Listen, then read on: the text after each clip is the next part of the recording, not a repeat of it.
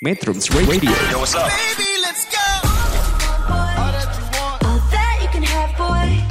Got me spread like a buffet. Bon night. Now they always say congratulations. Come and strip that down for me. I'm on my way. Girl, come and strip that down for me. Yeah, yeah, yeah, yeah. Metrums Radio, media terintegrasi kaum muda. Metrum Radio, media terintegrasi kaum muda. Oke, Assalamualaikum warahmatullahi wabarakatuh. Salam sejahtera bagi kita semua. Shalom, Om Swastiastu, Namo Buddhaya, salam kebajikan. Balik lagi sama aku Welin yang kece ini dalam cerita anak bangsa, sebuah acara atau obrolan santai di hari Minggu yang akan membuat kamu sobat metronom semakin mengenal dan semakin menjadi Indonesia tentunya. Nah, kayak biasa aku akan eh, ngobrol sama narasumber kita yang sama-sama kecenya kayak aku. Dan juga aku akan ngasih kamu tips tapi mungkin minggu ini aku akan bukan ngasih tips sih sebenarnya memberikan em, sebuah informasi mungkin. Informasi apa itu? Nah kamu harus stay tune terus untuk tahu aku akan ngasih tahu apa nanti. Dan juga aku bakalan puterin lagu-lagu Indonesia Oke, sebelum kita lanjut ngobrol sama narasumber kita kali ini, kita dengerin dulu lagunya Tulus, judulnya Monokrom.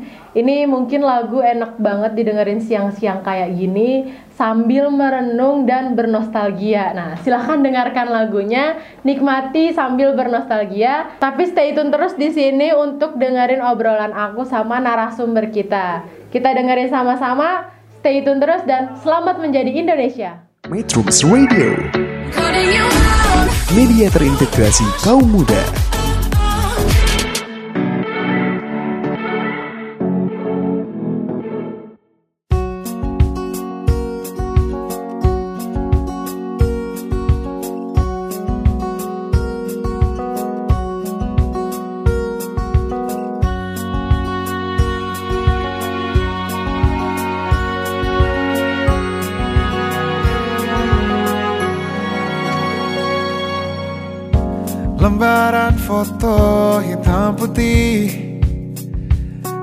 Coba ingat lagi warna bajumu kala itu Kali pertama di hidupku.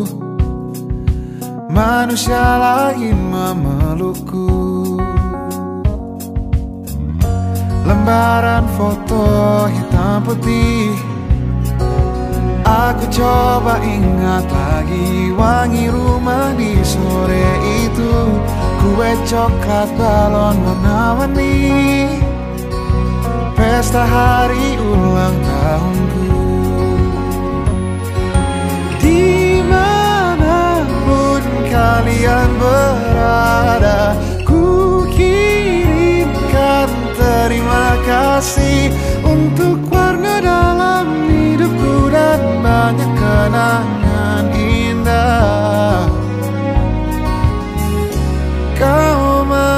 melukis aku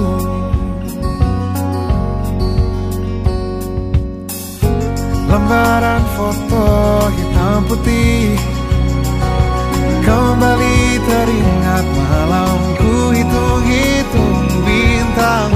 Saat mataku sulit tidur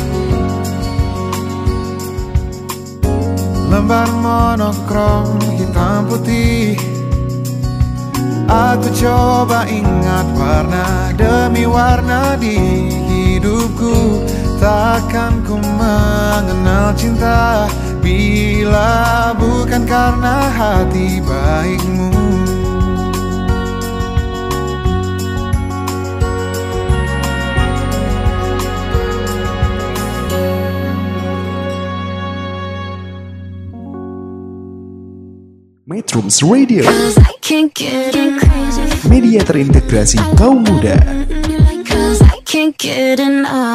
Metro Radio, media terintegrasi kaum muda. Oke, masih sama aku Welin yang setia menemani hari Minggu kamu dari waktu ke waktu, apa pun kegiatanmu dan di mana pun kamu berada.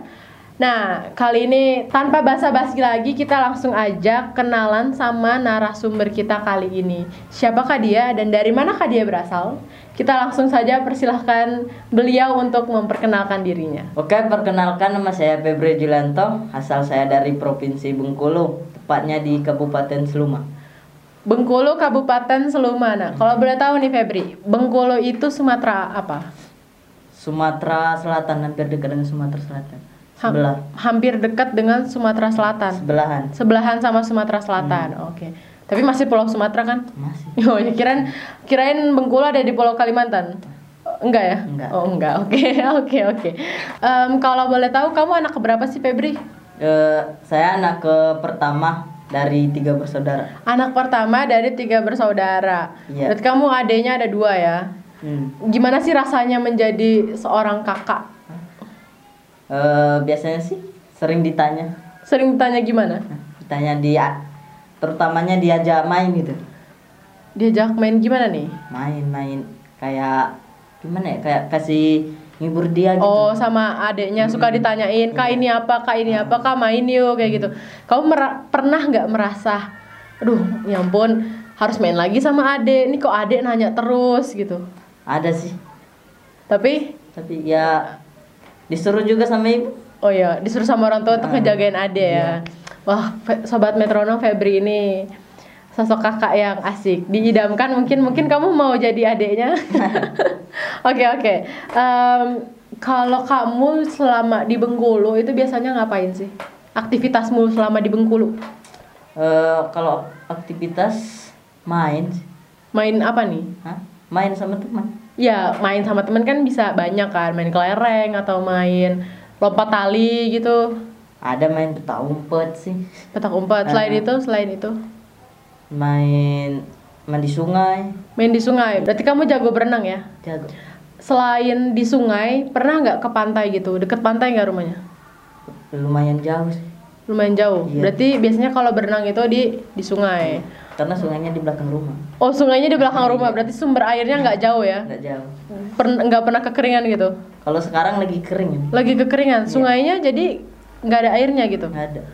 Oke oke, kirain hanya yang jauh saja, yang jauh dari sumber air yang kekeringan. Ternyata yang rumahnya di belakang sungai pun ken- kekeringan karena emang sekarang lagi musim kemarau yang berkepanjangan. Jadi ya kita emang harus menghemat air ya sobat metronom. Eh, balik lagi ke Febri, tadi dia bilang dia suka main sama temennya, main di sungai. Kalau bola suka nggak main bola? Suka.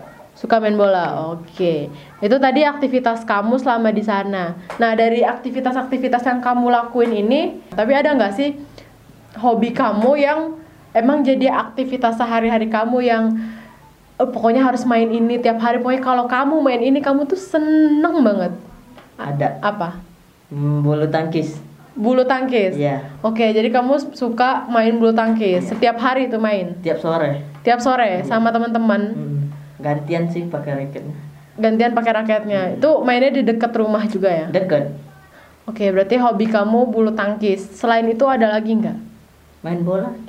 Main bola. Oke, itu tadi berarti kamu sukanya bulu tangkis dan main sepak bola. Nah, kalau hmm, riwayat sekolah, Eh, kalau riwayat sekolahku dari SD, tamat SD, terus lanjut ke SMP, terus ke sini. ke sini. SD-nya itu SD apa? Kalau SD-nya tuh SD 37 Seluma. Eh, SD 37 Seluma. Itu Iya. sekolah negeri atau swasta? Negeri. Negeri. Eh, banyak nggak sih sekolah SD di sana? Banyak. Banyak. SD 37. Kalau SMP-nya? SMP 16 Seluma. SMP 16 Seluma. Nah, kan kalau SMK-nya kan di sini. Nah, pertanyaannya adalah kenapa memilih SMK Bakti Karya Parigi yang jauh di Pangandaran, yang beda pulau? Kenapa nggak sekolah di Seluma aja? Awalnya sih udah daftar di SMA 7 Seluma. Udah daftar. Iya, udah daftar. Terus kenapa malah terdampar di Pangandaran? Eh, pas malam-malam tuh kan ada abang kan Heeh. dari rumah main-main lah ke rumahku kan. Heeh. Terus katanya dia bilang-bilang itulah sama orang tuaku. Mm. Tapi aku nggak tahu. Oke. Aku eh, keluar sholat gitu. Heeh. Terus pulangnya langsung ditanya gitu. Mau atau enggak sekolah mau di sini? enggak Terus sini? jawabanmu pada saat itu adalah Nggak mau. kenapa langsung bilang nggak mau? Gimana? Dia langsung dengar gimana sekolah ke luar gitu. Heeh. Luar pulau gitu langsung kayak ada rasa takut juga. Oh takut ragu gitu, Hmm, takut ragu. Oke, terus kamu bilang nggak mau. Nah, mereka bilang apa? Ketika kamu bilang nggak mau. katanya eh, sekolah di sana aja sekalian cari pengalaman katanya kalau sekolah di sini ya Gini-gini aja. lihatlah bapakmu kata jadi. Oh, jadi akhirnya kamu disuruh ke luar pulau, Iya. keluar daerah kayak gitu. Terus kan itu pasti ada apa ya? apa perang batin gitu. Aduh, Hmm. orang tua maunya gini, tapi aku nggak mau gitu ragu-ragu. Nah, gimana akhirnya kamu memutuskan, oke lah, aku keluar dari Seluma. Eh, banyak juga sih keluarga yang dukung Keluarga yang ya, dukung dari banyak. kakek dari om dari abang Jadi meyakinkan kamu gitu ya, meyakinkan kamu. Iya. tapi kalau ibu saya katanya terserah kamu aja kalau mau sekolah sana ya di sana, sana kalau kalau enggak mau di sini ya di sini gitu. Oke, terus kamu akhirnya memutuskan untuk di sini di sini. Nah, pas kan kamu kan dari awal emang udah ragu dan nggak mau nih. Hmm. Pas berangkat ke sini gimana rasanya? pas berangkat di sini Berangkat mau berangkat ke sini nih. eh, rasanya gimana? kayak biasa aja Nggak nggak takut, nggak merasa berat harus meninggalin daerah asal. Kalau berat sih ada. Ada lah ya. Hmm, Tapi ada. oh ya udah udah udah di depan mata juga kan. Oke. Jadi emang awalnya kamu nggak mau ke sini, tapi sekarang gimana nih? Ya kalau sekarang nyaman-nyaman aja. Oh nyaman-nyaman aja lah ya. Mau pulang nggak? Enggak. Nggak mau? Oke. Untuk untuk keluarganya Febri nih, si Febri nggak mau pulang nih. Kayak gimana nih? Apa kita pulangkan saja? Enggak, nggak bercanda, bercanda. Oke. Kalau oke, tadi kan Febri bilang awalnya nggak mau ke sini, akhirnya nyaman sekolah di SMK Bakti Karya dan ketemu sama temen-temen dari latar belakang yang beda-beda. Nah, apa sih yang bikin kamu nyaman? Aktivitas apa yang kamu lakukan di sini? Eh, kalau sekarang sih lagi persiapan buat festival. Festival apa? Eh, festival 28 Bahasa Nusantara. Oke, Festival 28 Bahasa Nusantara. Jadi sekarang lagi sibuk persiapan itu ya. Iya. Emang apa aja yang disiapin? Banyak sih stand, ada stand. Stand itu terdiri dari lima pulau, ada Papua, Jawa, Sulawesi, Kalimantan, Sumatera. Oke, berarti kamu masuknya ke stand Sumatera. Sumatera. Nah, di stand itu ada apa aja? Ada pernak-pernik sih. Oke, jadi kayak eh, menampilkan daerahmu gitu ya. Apa sih Sumatera itu kayak gimana? Oke, nah selain itu, Ada ciri apa? Khas makanannya. oh makanan makanan dari daerah-daerah. Nah, kalau dari kamu sendiri dari daerahmu sendiri, nah kamu akan eh, menyajikan makanan apa? Kalau di sini sih ndak ada barangnya. nggak ada barangnya? Jadi mungkin dikirim dari sana gitu? Iya. oke nah selain stand tadi ada apa lagi? Eh, ada orasi. orasi. Orasi orasi yang kayak gimana nih? Eh, orasinya bukan pakai bahasa Indonesia tapi pakai bahasa daerah gitu. pakai bahasa daerah. Jadi orasinya itu pakai bahasa daerah masing-masing. Oke nah kalau kamu sobat metronom mau eh, mendengarkan orasi dari bahasa yang berbeda-beda bisa didatang ke Festival 28 Bahasa Nusantara. Nah, oke tadi kita udah dengerin profil singkatnya Febri tentang selama dia di sana dan awalnya dia nggak mau ke SMK Bakti Karya Parigi sampai akhirnya dia merasa nyaman di sini. Kita akan kupas lebih jauh lagi cerita tentang Febri, tapi sebelum itu kita break dulu dengerin lagu judulnya Bumi Terindah Stay tune terus di Metrum Radio Studio 3 SMK Bakti Karya Parigi dan selamat menjadi Indonesia. Metrums Radio, media terintegrasi kaum muda.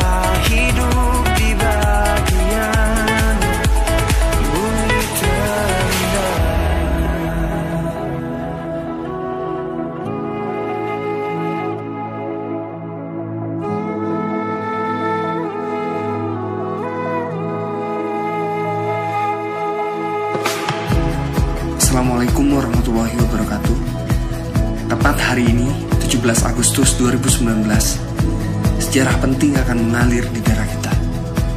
Mari kita tunjukkan betapa indahnya negeri ini. Kita terlahir di tanah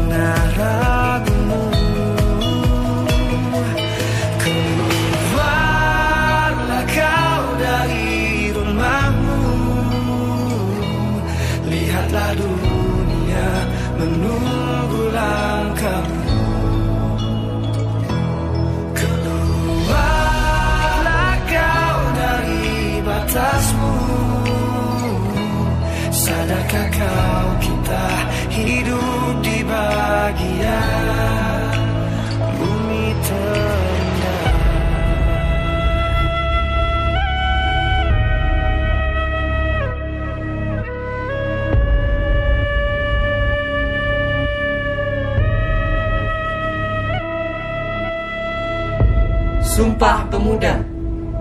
Kami, putra dan putri Indonesia Mengaku bertumpah darah yang satu Tanah air Indonesia. Kami, putra dan putri Indonesia Mengaku berbangsa yang satu Bangsa Indonesia. Kami, putra dan putri Indonesia Mengaku berbahasa yang satu Bahasa Indonesia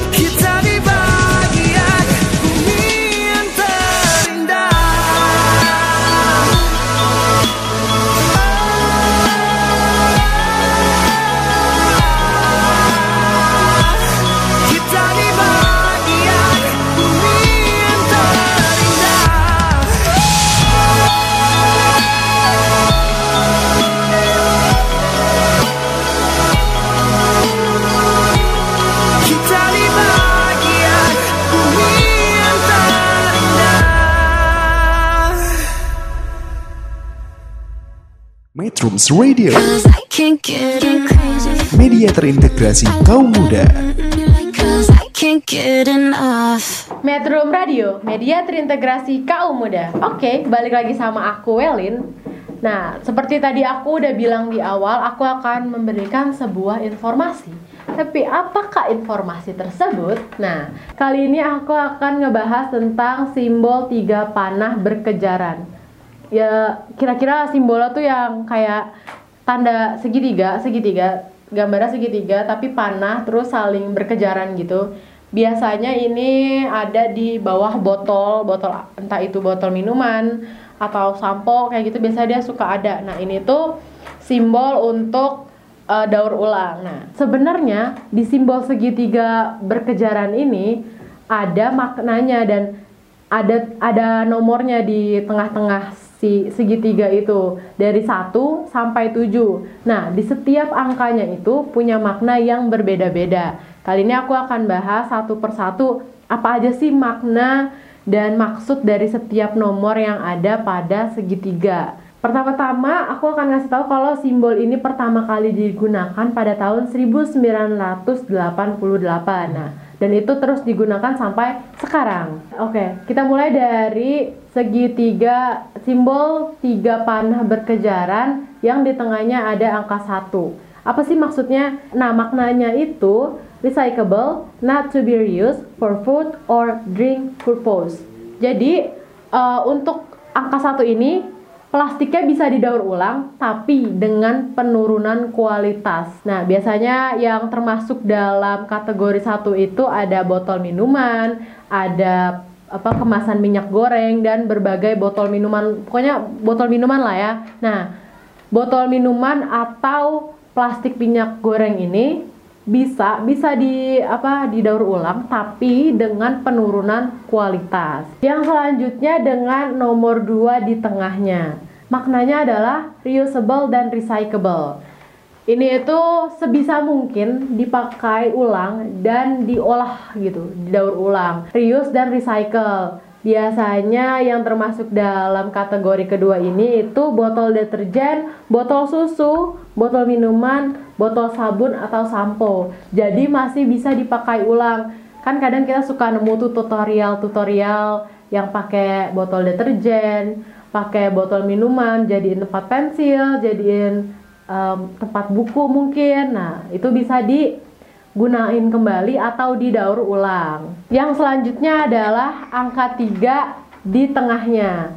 Maksudnya adalah not recyclable. Jadi ini berbahan dasar PVC, jadi nggak bisa sama sekali didaur ulang. Jadi untuk kamu nih sahabat metronom yang menemukan tanda ini pada produk kemasan plastik, lebih baik dikurangi penggunaannya atau mungkin di stop karena emang ini nggak bisa lagi didaur ulang. Nah, biasanya itu plastik wrap, mainan anak, pipa air, kabel. Nah, itu tuh udah nggak bisa sama sekali didaur ulang. Jadi ya mereka harus terurai sendiri yang tentunya membutuhkan waktu lama puluhan bahkan ratusan tahun. Yang selanjutnya adalah angka 4 di tengah, yaitu LDPE, maknanya reusable but not always recyclable. Jadi dia selalu bisa digunakan lagi, cuman belum tentu bisa didaur ulang. Contohnya tas belanja plastik atau botol minuman plastik.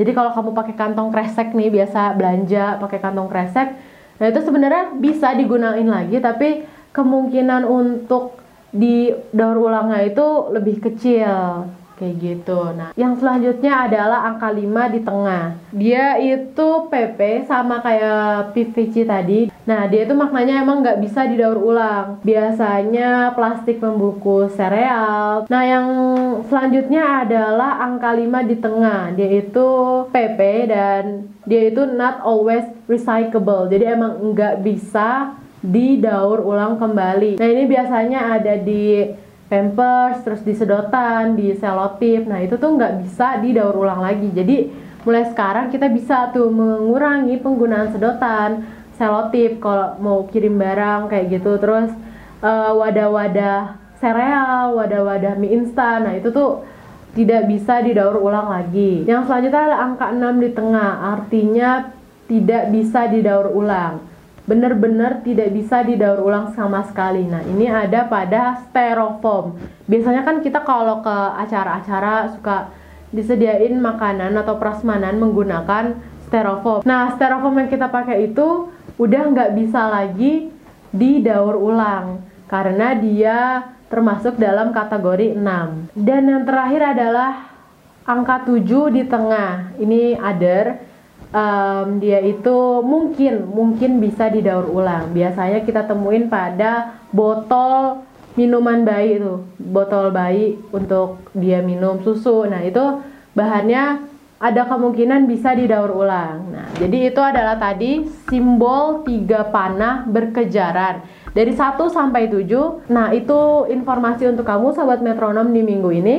Kita akan lanjut lagi setelah ini ngobrol sama Febri tapi sebelumnya kita dengerin dulu lagu daerah Indonesia yang satu ini. Stay tune terus dan selamat menjadi Indonesia. Metrums Radio.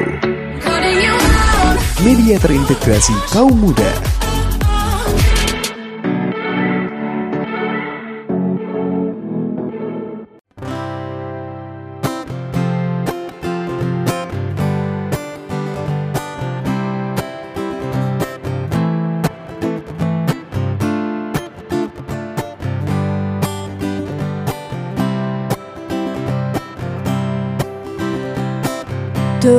Pancaji rilino Engkari watak kalemu Nule purani Totoku Tosipak dua Siruntu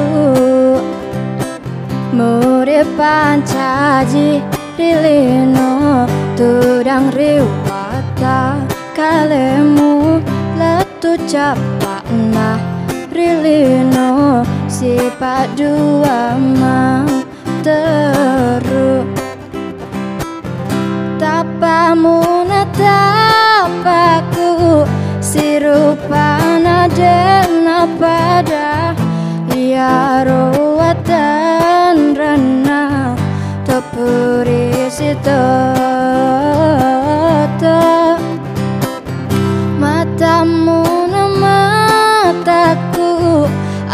Siri polo dua Papada bunga Si bawa dauna Alemu aleku pada udani. Turi masih di tanrana si toto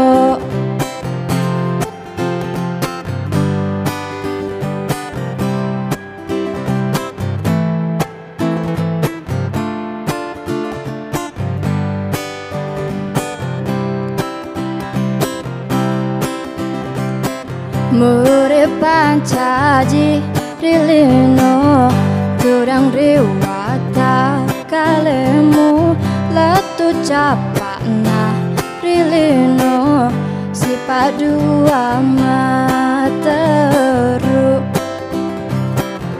Tapamu natapaku Sirupana dena pada Ya Tepuri sitoto Matamu na mataku Alo siri dua. Papada bunga Si bawa dauna Alemu aleku pada udani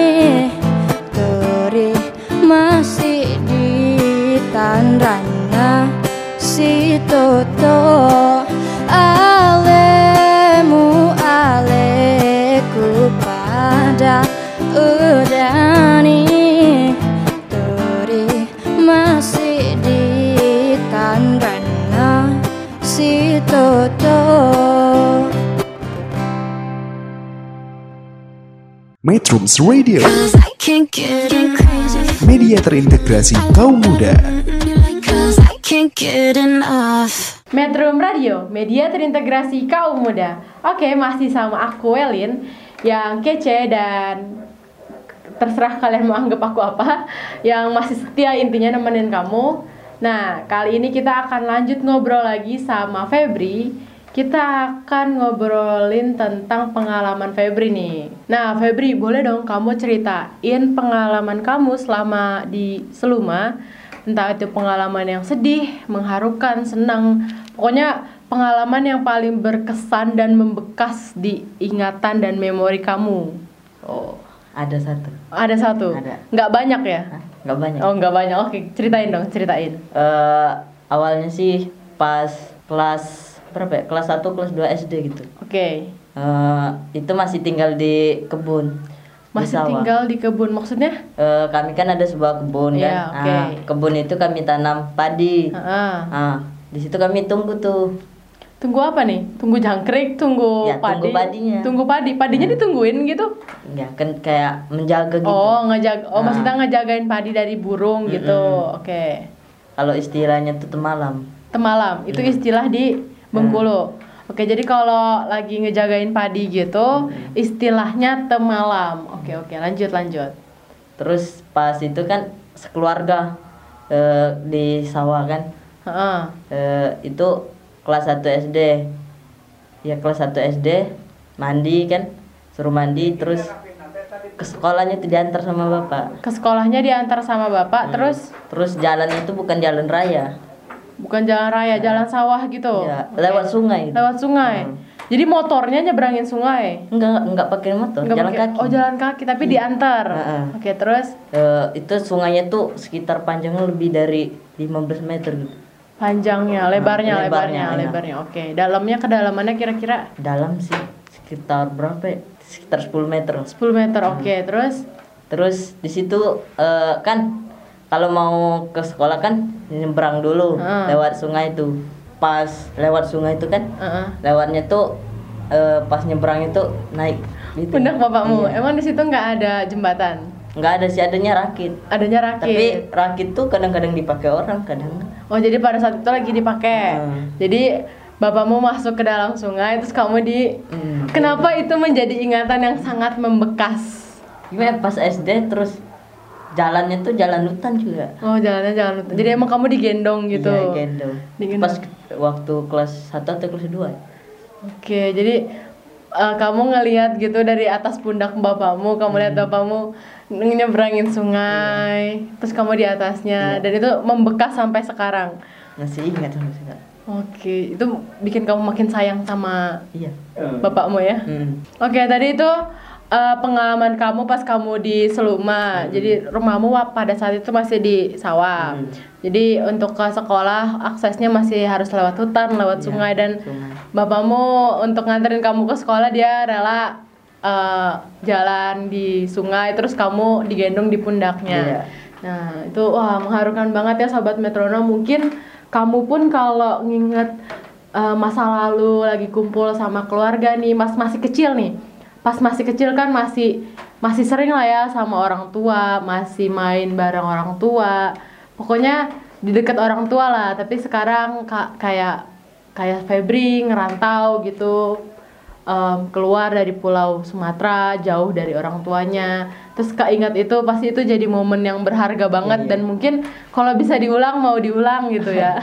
Mungkin kamu juga ada nih pengalaman kayak gini. Nah kalau kamu merasa ada pengalaman yang sama kayak Febri dan kamu jadi rindu sama orang tua mungkin bisa dikabarin orang tuanya ditelepon atau piknik bareng orang tua gitu ya. Oke, selain itu selain tadi eh, perjalanan ke sekolah yang diantar sama bapakmu, ada lagi nggak pengalaman selama di Seluma yang bikin kamu pengen mengulanginya kembali? Ada satu lagi pengalaman dengan teman. Oke, dengan teman sekarang ya. Oke, boleh diceritain dong.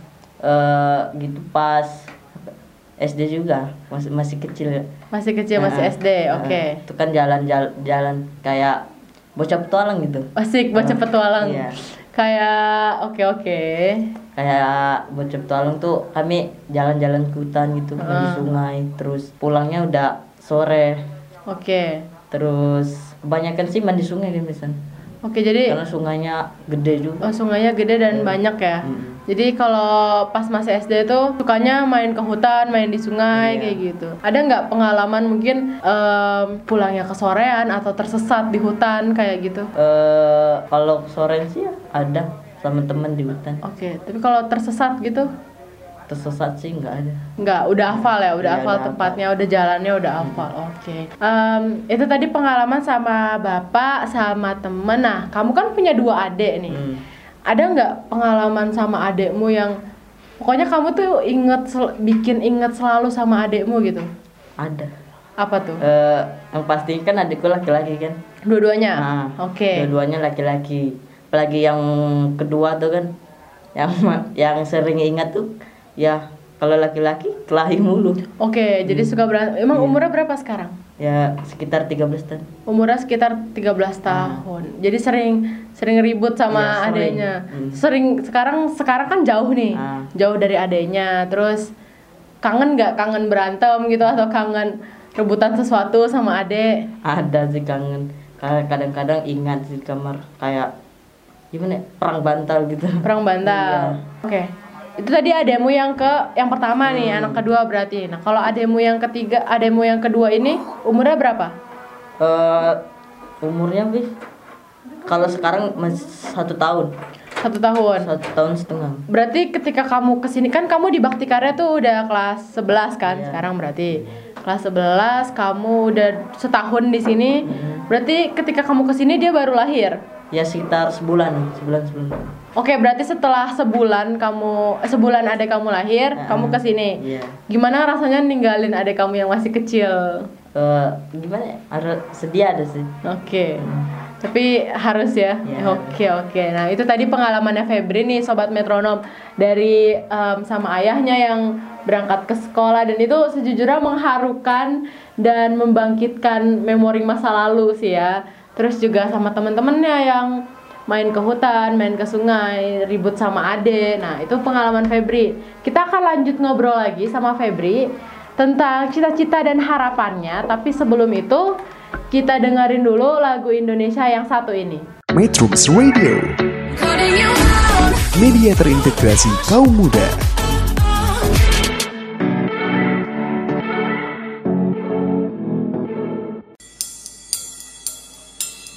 Sebelah mata.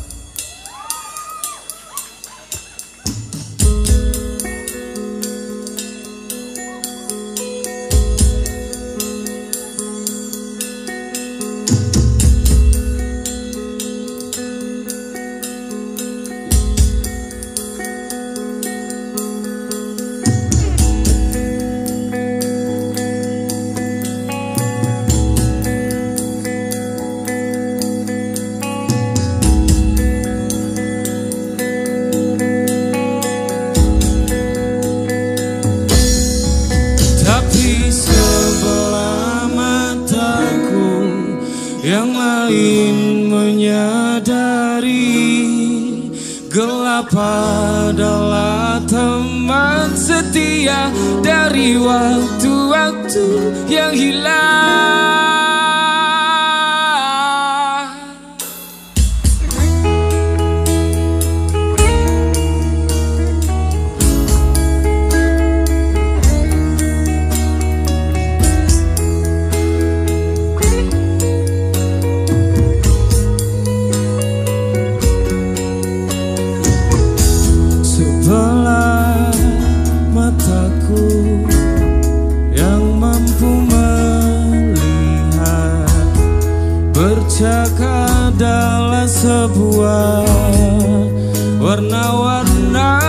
pesona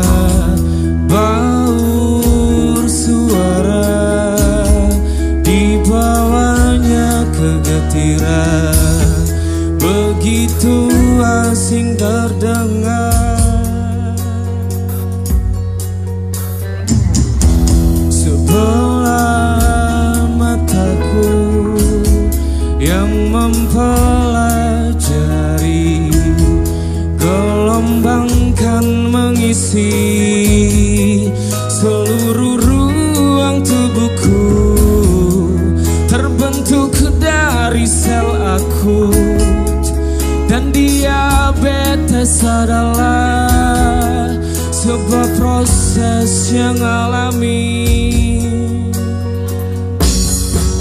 Tapi sebelah mataku yang lain menyadari Gelap adalah tempat setia dari waktu-waktu yang hilang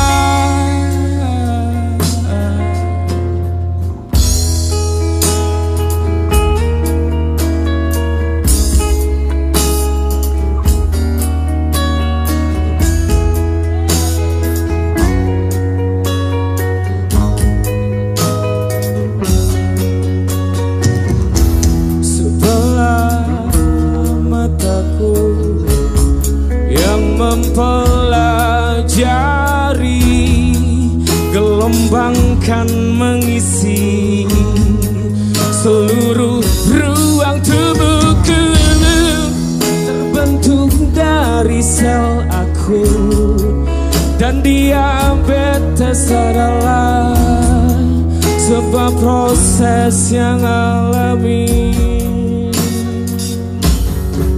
Tapi sebelah mataku yang lain menyadari Gelap adalah tempat setia dari waktu-waktu yang hilang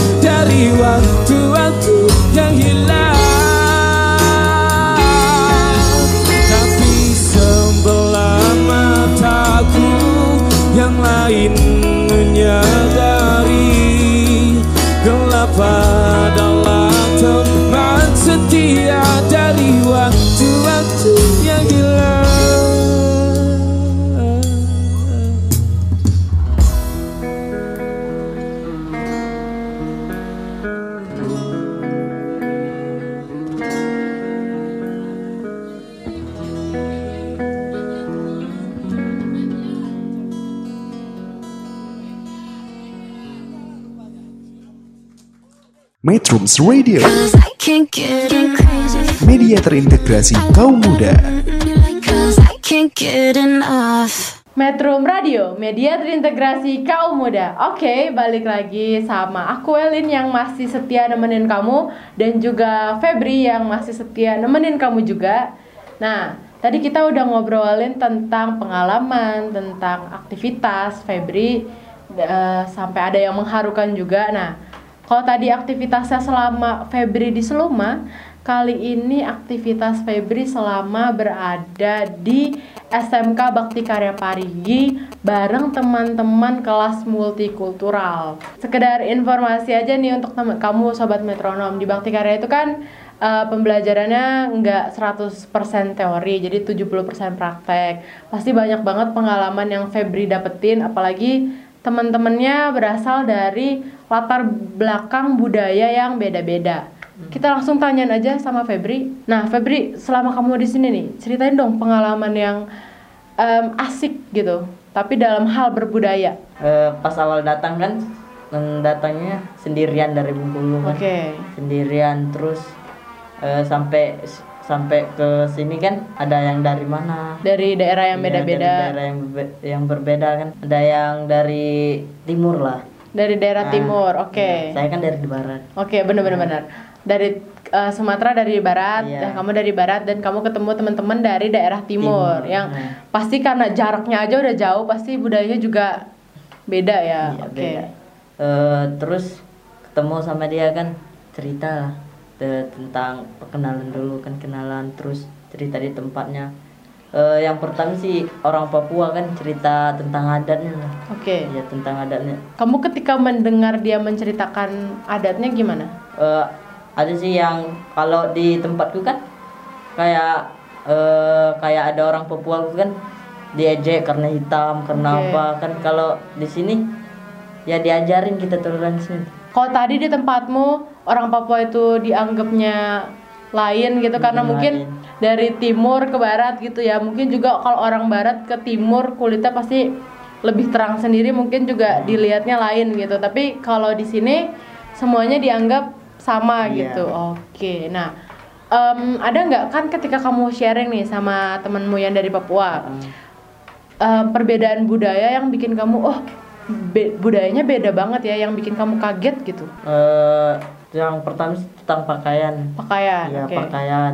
Kayak kalau kami kan pakaian ini kan tutup semua Ah, kan. panjang Iya gitu ya. panjang. Terus yang Papua tuh kayak gimana? Eh lebih terbuka Iya, gitu lebih ya lebih terbuka. terbuka Em, tapi ketika kan beda nih beda kamu mempertanyakan nggak kok bisa sih bajunya kayak gini gitu ada sih yang celananya itu kan tanyain kenapa dari ini buatnya dari mana gitu. Heeh. Ya, tanya terus dia jelasin. Em, boleh kasih contohnya kan tadi kamu bilang bawahannya itu beda kan dari Hmm. yang ada di Bengkulu nah dari apa emang dibuatnya Eh, kalau nggak salah dari ilalang. dari ilalang dibuatnya kalau di Bengkulu pakainya bahan kain Hmm, kain. Oke, jadi itu beda ya, beda. Tapi meskipun pakaiannya beda, warna kulitnya beda, kita tetap sama di sini setara.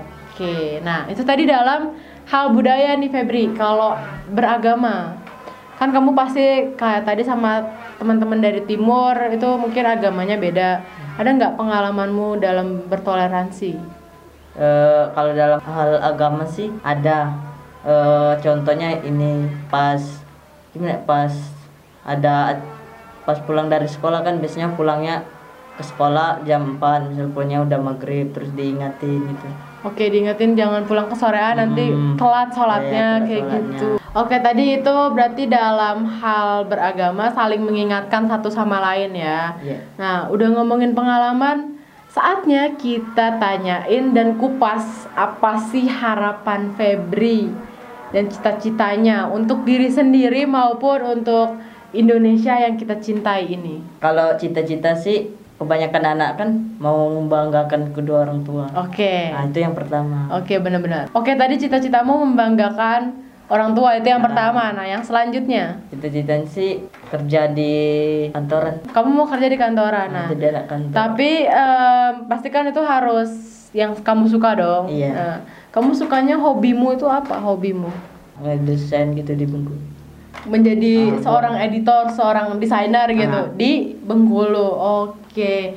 Ada minat lain nggak yang berbau-bau sosial gitu mungkin? Enggak ada. Berarti cita-citamu yang pertama membanggakan orang tua dan untuk membanggakan orang tuamu kamu ingin menjadi seorang editor ataupun desainer di daerah asalmu di Bengkulu. Iya. Oke, nah kalau untuk Indonesia, Eh, cita-cita untuk Indonesia adat istiadatnya dijaga jangan sampai hilang.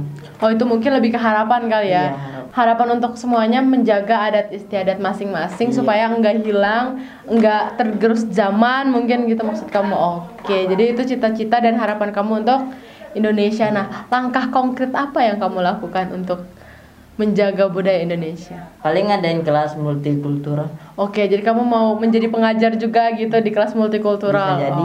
Oke, jadi Febri ini selain jadi desainer, dia mau jadi guru juga. Wah. Nah, untuk kamu sahabat metronom, boleh nih kita sama-sama mengaminkan cita-citanya Febri supaya dia bisa jadi guru nantinya. Entah itu lima tahun ke depan, 10 tahun ke depan, 20 tahun ke depan ya dia jadi desainer dan bisa jadi guru juga Amin. yang ngajarin ke murid-muridnya kalau kita itu harus ngejaga budaya kita, harus ngejaga adat istiadat kita supaya nggak hilang tergerus oleh zaman. Nah, kita akan lanjut lagi ngobrol sama Febri Tapi sebelum itu kita dengerin dulu lagu yang satu ini. Metrums Radio,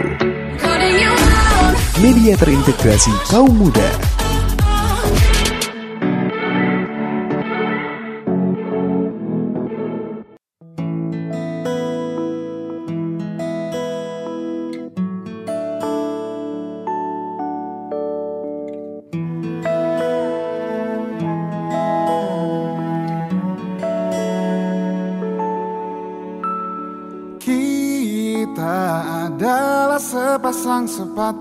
Selalu bersama tak bisa bersatu kita.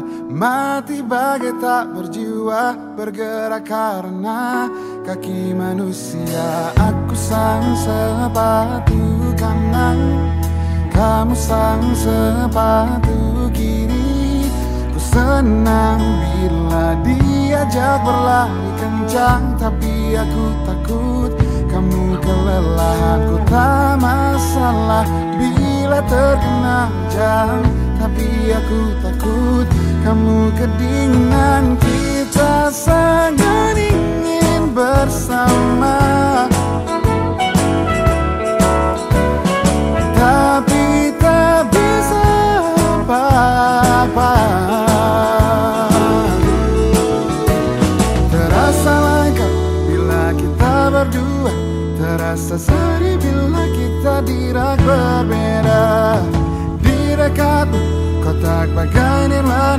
Tapi saling sentuh pun kita tak berdaya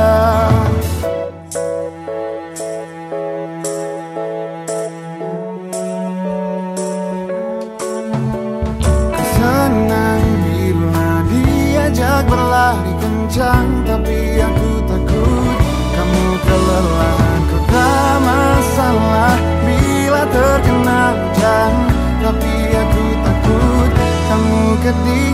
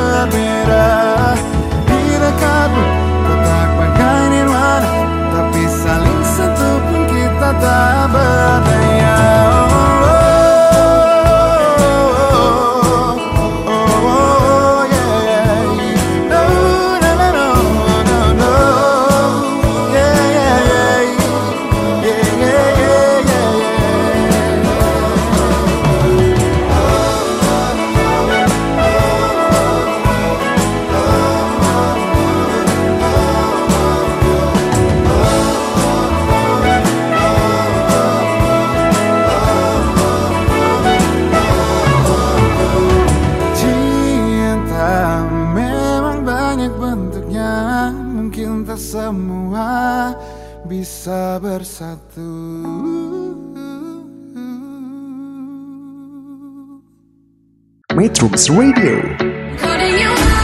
media terintegrasi kaum muda.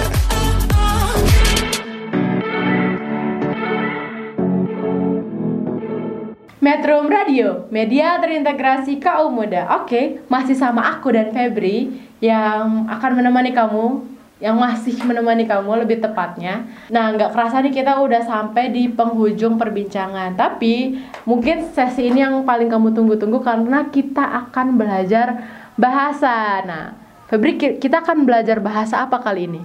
bahasa Serawai bahasa Serawai. Jadi kamu orang Bengkulu tinggalnya di Seluma, bahasanya bahasa Serawai. Nah, ya kita langsung aja mulai ke kata yang pertama. Aku. Kalau aku aku Hmm. ya aku Tetap aku. Hmm. Kalau kamu, kamu tetap kamu. Iya. Oke, berarti mungkin kalau aku, kamu, dia, mereka itu sama ya tetap. Em, kalau tanya kabar deh, apa kabar? video kabar Pedio kabar. ah Pedio kabar. Kalau jawabannya aku baik-baik saja. Oke. Atau ini ada juga Lokmano kabar. Lokmano kabar. Pedio kabar, Lokmano kabar. Pedio kabar, sobat metronom. Asik. Nah, kalau em, Kak, sobat metronom mau jawab kabarnya baik-baik aja, harus kayak gimana? Eh, sihat-sihat be. Sihat-sihat B. Oke. Sihat-sihat be. Nah, sobat metronom, aku dan Febri akan menanyakan kabar kamu dan kamu harus men- menjawab menggunakan bahasa Serawai. Jadi kalau tanya kabar, Video kabar. Oke, oke Febri kita sama-sama tanyain em, kabar sobat metronom satu, dua, tiga. Pedio kabar sobat metronom. Nah, sobat metronom jawabnya Sihat-sihat be. sihat-sihat B. Oke, kalau kabarnya nggak baik, Bidapan. bidapan. Oke. Bidapan tuh sakit. Bidapan itu sakit. Jadi kalau kabarnya lagi nggak sehat, jawabannya bidapan. Oke, em, lanjutnya karena ini adalah siang-siang nih, minggu siang, jamnya makan siang. Kalau nanya udah makan atau belum? Lu dia makan.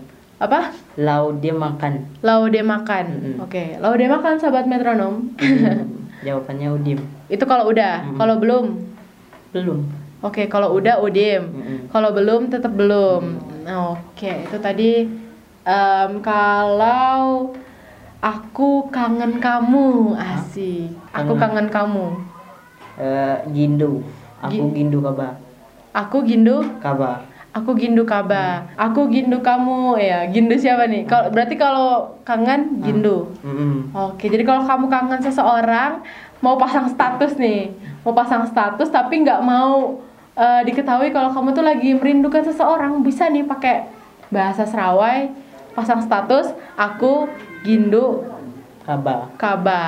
Oke. Em, tadi udah nanya beberapa kalimat dan kosakata. Kalau memperkenalkan diri, misalkan kamu memperkenalkan dirimu kepada sobat metronom di rumah atau di mana pun kamu berada, sobat metronom, tapi menggunakan bahasa suku Serawai. Eh, kenalkan namaku Febri Julianto. Asal lo jadi suku Serawai. Oke, jadi itu artinya Eh, perkenalkan nama saya Febri Julianto. Asalnya dari suku Serawai. Oke, nah tadi udah bahasa nih, nah tapi aku pengen tahu nih sebenarnya em, suku Serawai itu keturunan dari etnis apa sebenarnya? Melayu. Melayu ada. Melayu sama Melayu. Melayu aja, keturunan Melayu. Jadi bahasanya pun bahasa Kayak ada Melayu. kayak ada Melayu-melayunya gitu ya, logatnya, logatnya kayak gitu. Oke, nah tadi itu kita udah belajar bahasa sama Febri. Nah, nggak kerasa nih kita udah udah harus mengucapkan selamat tinggal. Tapi sebelum itu aku mau nyuruh Febri memberikan se- sepatah dua kata ya, sepatah sepuluh kata, tapi dalam lagu, lagu yang dari Bengkulu gitu Febri. Oh, ada tuh lagu yang tentang tempatku. Tentang tempatmu. Eh, Selumang. Kalau ke sana tuh jangan lupa makan remis. Jangan lupa Makan remis. makan remis. Remis tuh apa? Remis kayak gimana? Yang ada di pantai. Oke, nah ada lagunya? Ada. Oke, gimana lagunya? Eh, paling cuman Iya sedikit aja nggak apa-apa sedikit aja kamu nyanyiin lagu ini. pas awalnya aja. Oke oke. Ina ila di tepi pantai. Oke, itu tadi lagunya tentang makan remis. Hmm. Nah boleh dong kamu nyanyiin refnya sedikit aja untuk mengundang rasa penasaran sobat metronom em, supaya penasaran tentang Bengkulu nih. Eh, ada bermis kan judulnya. Heeh. Eh, rapnya dong ya. Oke. Eh, segaris dua garis remis mulailah dapat Oh itu artinya apa tuh? Segaris, dua kayak- garis. kan di pantai kan Heeh. lagi cari remis kayak orang ngurut pantai Heeh. itu Oh jadi kayak dibikin garisan Nah, gitu ya, pakai kayu kalau gitu. di garis-garis remisnya itu ada. muncul. Nah, muncul. Oke, jadi kalau kamu mau dengar lagunya, tetap pantengin terus ini sampai selesai karena aku akan puterin lagunya untuk kamu, sahabat metronom. Dan balik lagi kita harus pamit undur diri dulu. Tapi tenang aja, karena minggu depan aku akan kembali nemani kamu dengan cerita anak bangsa yang tentunya beragam dan dengan narasumber yang kece-kece dari kelas multikultural. Nah, untuk kamu sobat metronom yang mau ketemu langsung sama teman-teman kelas multikultural, tahu budaya mereka lebih banyak lagi dan tahu bahasa mereka lebih banyak lagi bisa datang ke Festival 28 Bahasa Nusantara pada tanggal 19 Oktober 2019. Kita tunggu kehadiran kamu Sobat Metronom untuk bergabung bersama kami merayakan keberagaman dan juga toleransi yang ada di Indonesia dalam rangka bulan bahasa. Aku Welin dan juga Febri pamit undur diri. Mohon maaf kalau ada salah kata. Dan setelah ini akan ada bincang toleransi yang ngobrolin toleransi di Indonesia. Terima kasih sudah mendengarkan. Selamat menjadi Indonesia dan stay tune terus di Metro Radio Studio 3 SMK Bakti Karya Parigi. Wassalamualaikum warahmatullahi wabarakatuh. Salam sejahtera bagi kita semua. Shalom. Om Swastiastu. Namo Buddhaya. Salam kebajikan. Metro Radio. All that